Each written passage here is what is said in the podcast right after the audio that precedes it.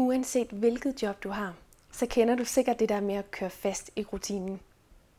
Når arbejdslivet eller privatlivet føles som en uendelig gentagelse, og den ene dag ligner den anden til forveksling. I denne podcast skal du møde Stig Rossen og høre, hvordan han aktivt arbejder med at kysse rutinen. Og du kan få inspiration til, hvordan du kan skabe et fantastisk arbejdsliv, fuld af variation og spændende detaljer. Velkommen til Grifer Podcast om alt det, der giver dig god arbejdsløst.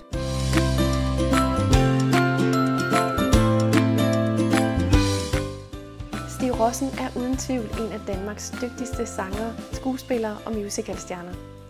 Han fik sit helt store gennembrud i 90'erne i England i musicalen Les Miserables. Et gennembrud, der senere bragte ham på turné i både Asien og Sydafrika, og som medførte flere hundrede gentagelser af den samme forestilling. Men lige bag det glamourøse og spændende liv i Spotlight, der gemmer sig også historien om en mand, hvis drømmejob var ved at ende med at blive et mareridt. En mand, der blev så træt af gentagelser, af rutiner og af at gøre det samme igen og igen, at han var tæt på at give op. Lyt med og hør Stig fortælle historien om karrierens absolute lavpunkt, og hvordan filmen Groundhog Day blev et vendepunkt i hans liv. Og hvordan han lærte sig selv at køse rutinen, at slå automatpiloten fra og gå på opdagelse i alle livets små detaljer. En teknik, som du også selv med fordel kan bruge i jagten på et godt og sundt arbejdsliv. Mit navn er Nina Trupka. Velkommen. Stig, hvad er et uh, sundt arbejdsliv for dig? Jeg tror, et sundt arbejdsliv er kendetegnet ved, at man øh, føler sig øh, i balance, godt tilpas, og det vil sige, at øh, man kan ikke isolere arbejdet eller arbejdslivet fra øh, privatlivet, fordi det hænger sammen. Hvis ikke man er øh, i balance øh, privat, kan man ikke være i balance øh, på arbejdet. Øh, jeg, jeg tror, de to ting er uløseligt forbundet til hinanden. Og det vil sige, at hvis man øh, mærker øh, stress eller, eller øh, ubehag frem øh, i sit arbejdsliv, øh, så kan man selvfølgelig forsøge at øh, finde nogle, øh, nogle muligheder for at øh, rette op på det i selve arbejdslivet, men, men min erfaring er, at i langt de fleste tilfælde vil være nødt til at kigge til privatlivet også. Øh, for det er mange gange der, øh, stressen opstår. Og derfor vil jeg sige, at, at, øh, at de ændringer, man kan, man kan foretage i sit øh, privatliv, øh, har en, en stor indflydelse på den øh, arbejdsglæde og den, det, det sunde arbejdsmiljø, som man, man, man gerne skulle skabe for sig selv. Men har du altid haft et sundt arbejdsliv? Nej, det har jeg ikke. Øh, jeg har måttet lære det lidt den, den, hårde, den hårde vej, fordi øh, jeg har været, jeg har været i en arbejdssituation, hvor jeg var ikke bare øh, stresset, men, men, men, øh, men nærmest zombieagtigt øh, deprimeret. Altså, jeg startede i London lige efter skuespillerskolen med at spille øh, med i den her musical Les Miserables og blev kastet hovedkuls ind i et arbejdsliv, øh, som jeg slet ikke var forberedt på. Øh, det kan man ikke blive forberedt på øh, øh, ved at gå tre år på skuespillerskolen. Det der med at skulle øh, gentage den samme præstation aften efter aften efter aften, øh, otte gange om ugen, og uge efter uge, måned efter måned. Øh, og det gjorde så i første omgang øh, i øvrigt øh, i 19 måneder i træk. Og 19 måneder lyder ikke af meget, øh, men det er 600 forestillinger øh, af, den, af den samme øh, forestilling uden pause. Øh, Øh, og det at skulle gentage den samme øh, præstation så mange gange i træk, gør, at man går fuldstændig død. Altså, øh, man tror, det er løgn, øh, hvis ikke selv man, man har prøvet det. Øh. Og jeg nåede til et punkt, hvor, hvor jeg simpelthen øh, ikke kunne udholde tanken om at skulle gå på scenen. Jeg gjorde det, men, men, men det var med store øh, personlige øh, ofre, fordi jeg, jeg, jeg, jeg havde hver eneste forestilling, jeg lavede. Øh, så jeg har været helt derude, hvor man kan sige, at, at, øh, at, at mit eneste fokuspunkt, det var at få lortet overstået. Øh, det er ikke særlig godt arbejdsmiljø. så jeg, må, jeg måtte arbejde mig ud af den der, øh, den der suppedags, hvad det virkelig var, eller hamsterhjulet, øh, ved at, at prøve at finde nogle andre måder at, at udføre mit arbejde på. Og det gjorde jeg så øh, godt hjulpet af en amerikansk film, der hedder Groundhog Day, ved at begynde at se på, hvordan kan man få rutinen vendt til noget inspirerende og positivt, i stedet for noget øh, dræbende og noget negativt. Hvad var lavpunktet så i rækken af de her uendelig mange forestillinger? Lavpunktet, øh, det er sådan meget øh, håndgribelige lavpunkt, øh, opstår efter omkring 750 forestillinger. For jeg fortsatte jo selvfølgelig ikke klog og skade, som man burde være blevet, øh, fortsat med at lave den samme øh, forestilling igen og igen. øh, fordi der var bud efter mig øh, som performer, og øh, pengene var gode, og øh, jeg troede, at det, øh, at det var det eneste, jeg, der var der var det vigtige, eller det vigtigste i hvert fald øh, på det tidspunkt, øh, bare at have et fast arbejde og et, et, øh, godt betalt arbejde. Øhm, og det her meget skilsættende øh, lavpunkt kom øh, i øh, Hongkong i forbindelse med en turné, jeg lavede øh, i Fjernøsten og Sydafrika, hvor jeg på et tidspunkt havde spillet rollen så mange gange, at øh, jeg var gået totalt på automatpilot. Jeg var begyndt at... Jeg var nået til det punkt, hvor jeg, som jeg plejer at sige, hvor, hvor jeg sendte kroppen på scenen og lod så meget af min, øh, af min bevidsthed blive øh, hjemme på hotellet. Øh, jeg var nået til et punkt, hvor øh, arbejdet var blevet en, en øh, irriterende og ubehagelig afbrydelse af min fritid. Øh, og fokuserede sådan set kun på, øh, at øh, de her forestillinger skulle overstå så hurtigt som muligt. Den her situation indtraf øh, lige i starten af Hongkong-perioden, cirka halvvejs gennem den her 10 måneders turné i Fjernøsten og Sydafrika, hvor jeg en aften, en søndag aften faktisk, øh, falder i søvn på scenen midt i forestillingen. Og det var ikke sådan, jeg bare lige faldt lidt hen eller blundede øh, et øjeblik. Jeg, jeg faldt i dyb søvn. Øh, hvordan det kan lade sig gøre med øh, 2.500 betalende øh, publikummer i salen og øh, musikken, der spillede for fulde gardiner, det, det fatter jeg sådan set ikke. Men det, men det er et faktum, at jeg, jeg, jeg skvattede i søvn midt i forestillingen. Og, og kun vågnede øh, ved, at der var helt stille på scenen. Og sådan med en en skrækindjagende øh, klarhed øh, fandt ud af meget hurtigt, det var mig, de ventede på. Og der simpelthen var, var fuldstændig øh, dødsens stille i teateret, fordi dirigenten stod med takstokken, øh, takstokken klar og ventede på, at jeg skulle rejse mig, før han kunne starte forspillet til den næste sang. Det var sådan lidt af en, en, øh, en opvågen, vil jeg sige, fordi øh, det gjorde så også, at jeg var nødt til at filosofere lidt over og analysere, hvad er det, der er gået galt? Jeg sidder her i verdens bedste musical, Les Miserables, øh, øh, den populæreste musical, der nogensinde er, er skabt, og, og øh, sidder i en højt betalt stilling, øh, og i min drømmerolle, og så øh, sidder jeg og falder i søvn midt i det hele, øh, og jeg, jeg tænkte, der er et eller andet, der er helt skævt her, der er et eller andet, der er helt galt. Og det kunne ikke bare bortforklares med fysisk træthed eller mental træthed. Altså, det, det var simpelthen noget med, at, at jeg havde øh, lavet stå til, og havde lavet øh, automatpiloten overtage øh, arbejdet. Øh, og så var jeg simpelthen nødt til at, at gå helt ind til benet og starte forfra og, og spørge mig selv, hvad er det, der er anderledes? Hvorfor er det så anderledes at spille forestilling nummer 750, end det var at spille forestilling nummer, nummer 1? Og det eneste, det eneste, øh, den eneste forskel, jeg kunne, jeg kunne analysere mig frem til, det var min egen indstilling. At det var, det var mig, der havde ændret mig, fordi de ydre rammer var fuldstændig det samme. Der var måske nogle udskiftninger på, øh, på de øh, medspillende, altså rollerne var, var fordelt anderledes, end de var i starten. Det var et andet cast, det var nogle andre musikere, en anden dirigent osv., men altså, så de ydre rammer var, var i, i princippet de samme. Det var den samme forestilling, de samme replikker, de samme sange, de samme kostymer, stort set øh, den samme rækkefølge, så, altså, der var ikke noget, der var ændret, andet end at min indstilling havde ændret sig mærkbart. Og det var jeg nødt til at sige, så er, det, så er det det sted, jeg skal starte. Så er jeg nødt til at prøve at finde ud af, hvordan kan jeg ændre øh, min indstilling til, til det daglige arbejde, til den der rutine, til det der øh, repetitionshelvede, øh, og prøve at vente noget, til noget positivt. Og der fik jeg altså så, øh, som nævnt, meget godt hjælp af Groundhog Day med Bill Murray, som er en, en film, der handler om en, øh, en mand, der, der er en uforklarlig årsag. Jeg skal ikke prøve at analysere det. Øh, men han lander i sådan en tidslomme, hvor han oplever den samme dag igen og igen og igen og igen. Øh, og det er så det, øh, selvom det er en, en, en øh, komedie, så, så øh, fandt jeg altså nogle, nogle tankevækkende øh, situationer i den film, som, som, hvor jeg kunne se nogle paralleller til det, jeg gik og lavede til hverdag. Det der med bare at lave den samme forestilling igen og igen og igen. Og så brugte jeg simpelthen filmen som afsæt til at udvikle en teknik, som jeg selvfølgelig med venlig reference til filmen kalder Groundhog-teknikken. Og den har jeg udviklet siden uh, sommer 96, hvor det her, uh, den her episode i, i Hongkong indtræf. Så det blev et vendepunkt at uh, se filmen Groundhog Day?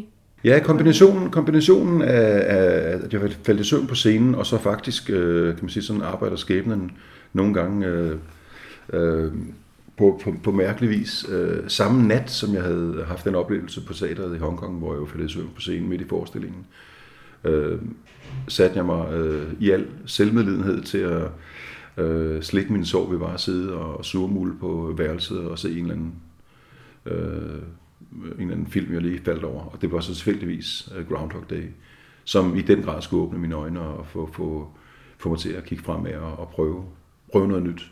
Hvad gjorde du så? Øhm, hvad var det, du begyndte at gøre anderledes? For det første begyndte jeg at, at, øh, jeg begyndte at øh, lægge mærke til mange flere detaljer i arbejdet. Ikke mindst mine kollegaer, fordi de var også zombier. Vi var sådan en, en øh, flok af velbetalte zombier, som rendte rundt og lavede det her øh, teaterfabrik. Og så begyndte jeg at, at, at gå og lægge mærke til, øh, hvorfor de var i så dårlig humør. Om jeg på nogen måde kunne gøre et eller andet for at gøre dem i bedre humør. For bare lette stemningen lidt. Og fandt jo ud af, at det, det gjorde en masse ved, ved mit eget humør, og få folk i bedre humør. Øh, så det blev sådan til en, en, en mission for mig, at det sådan at, at øh, vende blikket ud af helt jordnært. Øh, jeg havde altid haft min dør lukket ind til min garderobe, fordi jeg tænkte i min navlebeskuende fase, at jeg havde brug for mit eget rum, og jeg havde brug for at koncentrere mig, og jeg havde brug for øh, Øh, ikke få min øh, kunstneriske integritet forstyrret af udefrakommende øh, impulser, alt det der, man kan gå og bilde sig selv ind. Så det første, jeg gjorde, da jeg startede med at arbejde på Groundhog-teknikken, det var, at jeg åbnede døren på vid gab. Og, og det var egentlig ikke med nogen bagtanke, men fordi jeg havde en fornemmelse af, at øh, jeg ville ikke gå glip af noget derude. Jeg var begyndt at samle på detaljer. Jeg var begyndt at, at øh, være nysgerrig. Jeg blev sindssygt nysgerrig af den her proces. Så jeg tænkte, der er ikke noget, der skal gå min næse forbi. Jeg vil se, hvad der foregår. Jeg vil vide. Altså pludselig kiggede jeg også på, jeg ville, jeg ville være den, der vidste det hele. Jeg ville være den, der vidste, hvad der foregik i, i, i mit cast. Ikke? Øhm, og begyndte at, at for alvor også at tage den der rolle på mig som, som, som øh, leading man, altså som, som chefen, hvad jeg slet ikke havde været klar til før. Og det, bare den lille, det lille signal der med at åbne døren, gjorde, at folk, når de kom forbi, sagde, gud, døren er åben nu. Øh, og det gør, at folk øh, lidt forsigtigt i starten begyndte at stikke hovedet ind.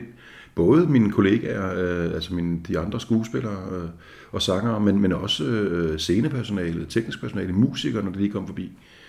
Begyndte at sådan, øh, stikke hovedet ind og sige, hej, hvordan går det? Og, så hvor jeg før havde været fuldstændig isoleret i min øh, kunstneriske, øh, meget kunstneriske munketilværelse, så begyndte jeg nu øh, pludselig at få øh, en kontaktflade til resten af, af castet. Øh, og det var alt sammen, det, jeg kalder det simpelthen den, den åbne dørs princip.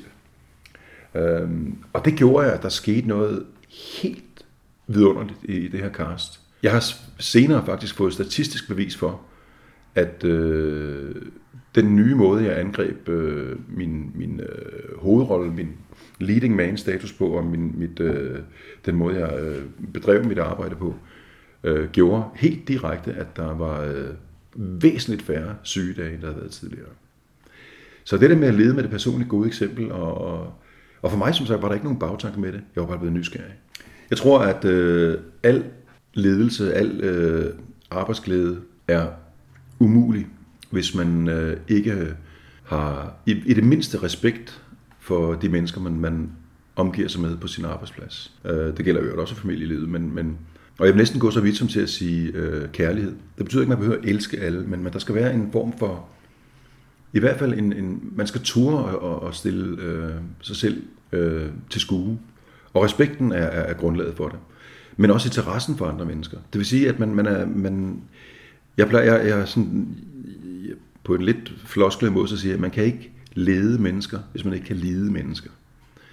Og jeg ser det øh, gang på gang øh, i, i virksomheder, der, der øh, fungerer rigtig, rigtig godt, at der vil det næsten uværligt øh, være situationen, at den øverste leder, og dermed også mellemlederne, fordi de er inspireret af ham og hans ledelsesstil, øh, er genuint interesseret i mennesker. Og de mennesker, der, der øh, arbejder for dem og med dem, vi kan alle sammen mærke de gode ledere. Vi kan mærke, at de, at de har hjertet på rette sted, og de vil en det bedste. At det ikke kun er bundlinjen, der tæller. Øhm, og det underlige er, at når, når mennesker kommer i centrum, så tror jeg, i næsten samtlige tilfælde, man kan pege på, vil bundlinjen også blive bedre. Fordi øh, arbejdsmiljøet simpelthen bliver bedre.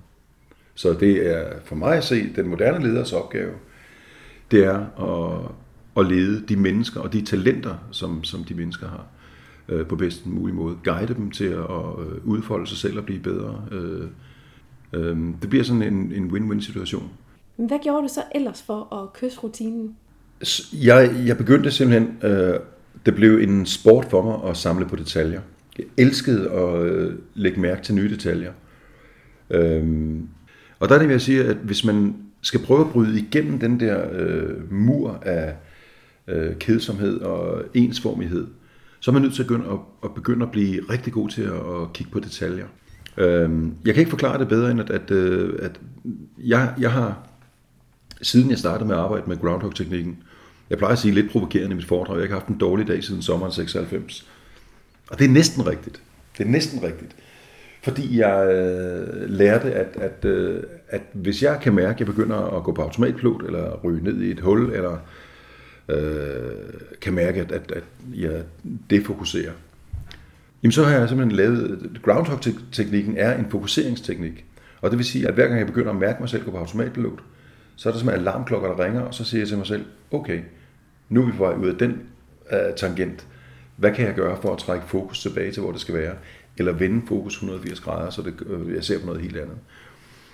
Og det gør, at, at øh, og det lyder sådan helt halleluja men det er faktisk rigtigt, at jeg synes, hver eneste dag er sindssygt spændende.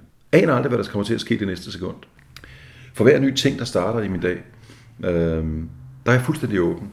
Aner ikke, hvor jeg skal hen. Så det er det med at være åben over for, øh, at ny inspiration kan opstå, og en situation, som virker øh, velkendt, øh, pludselig kan, kan tage et nyt sted, helt, helt, helt nyt sted hen.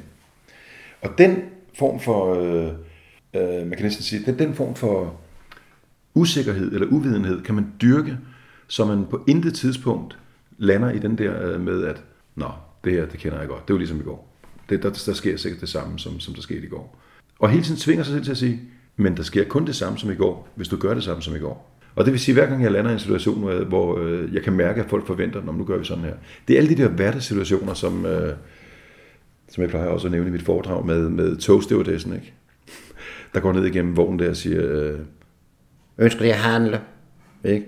Og så allerede der er der, er der sådan øh, lagt op til, i den her situation forventes det, at, at togstewardessen, eller trolley dolly, som hun også hedder, øh, siger, goddag, ønsker de at handle?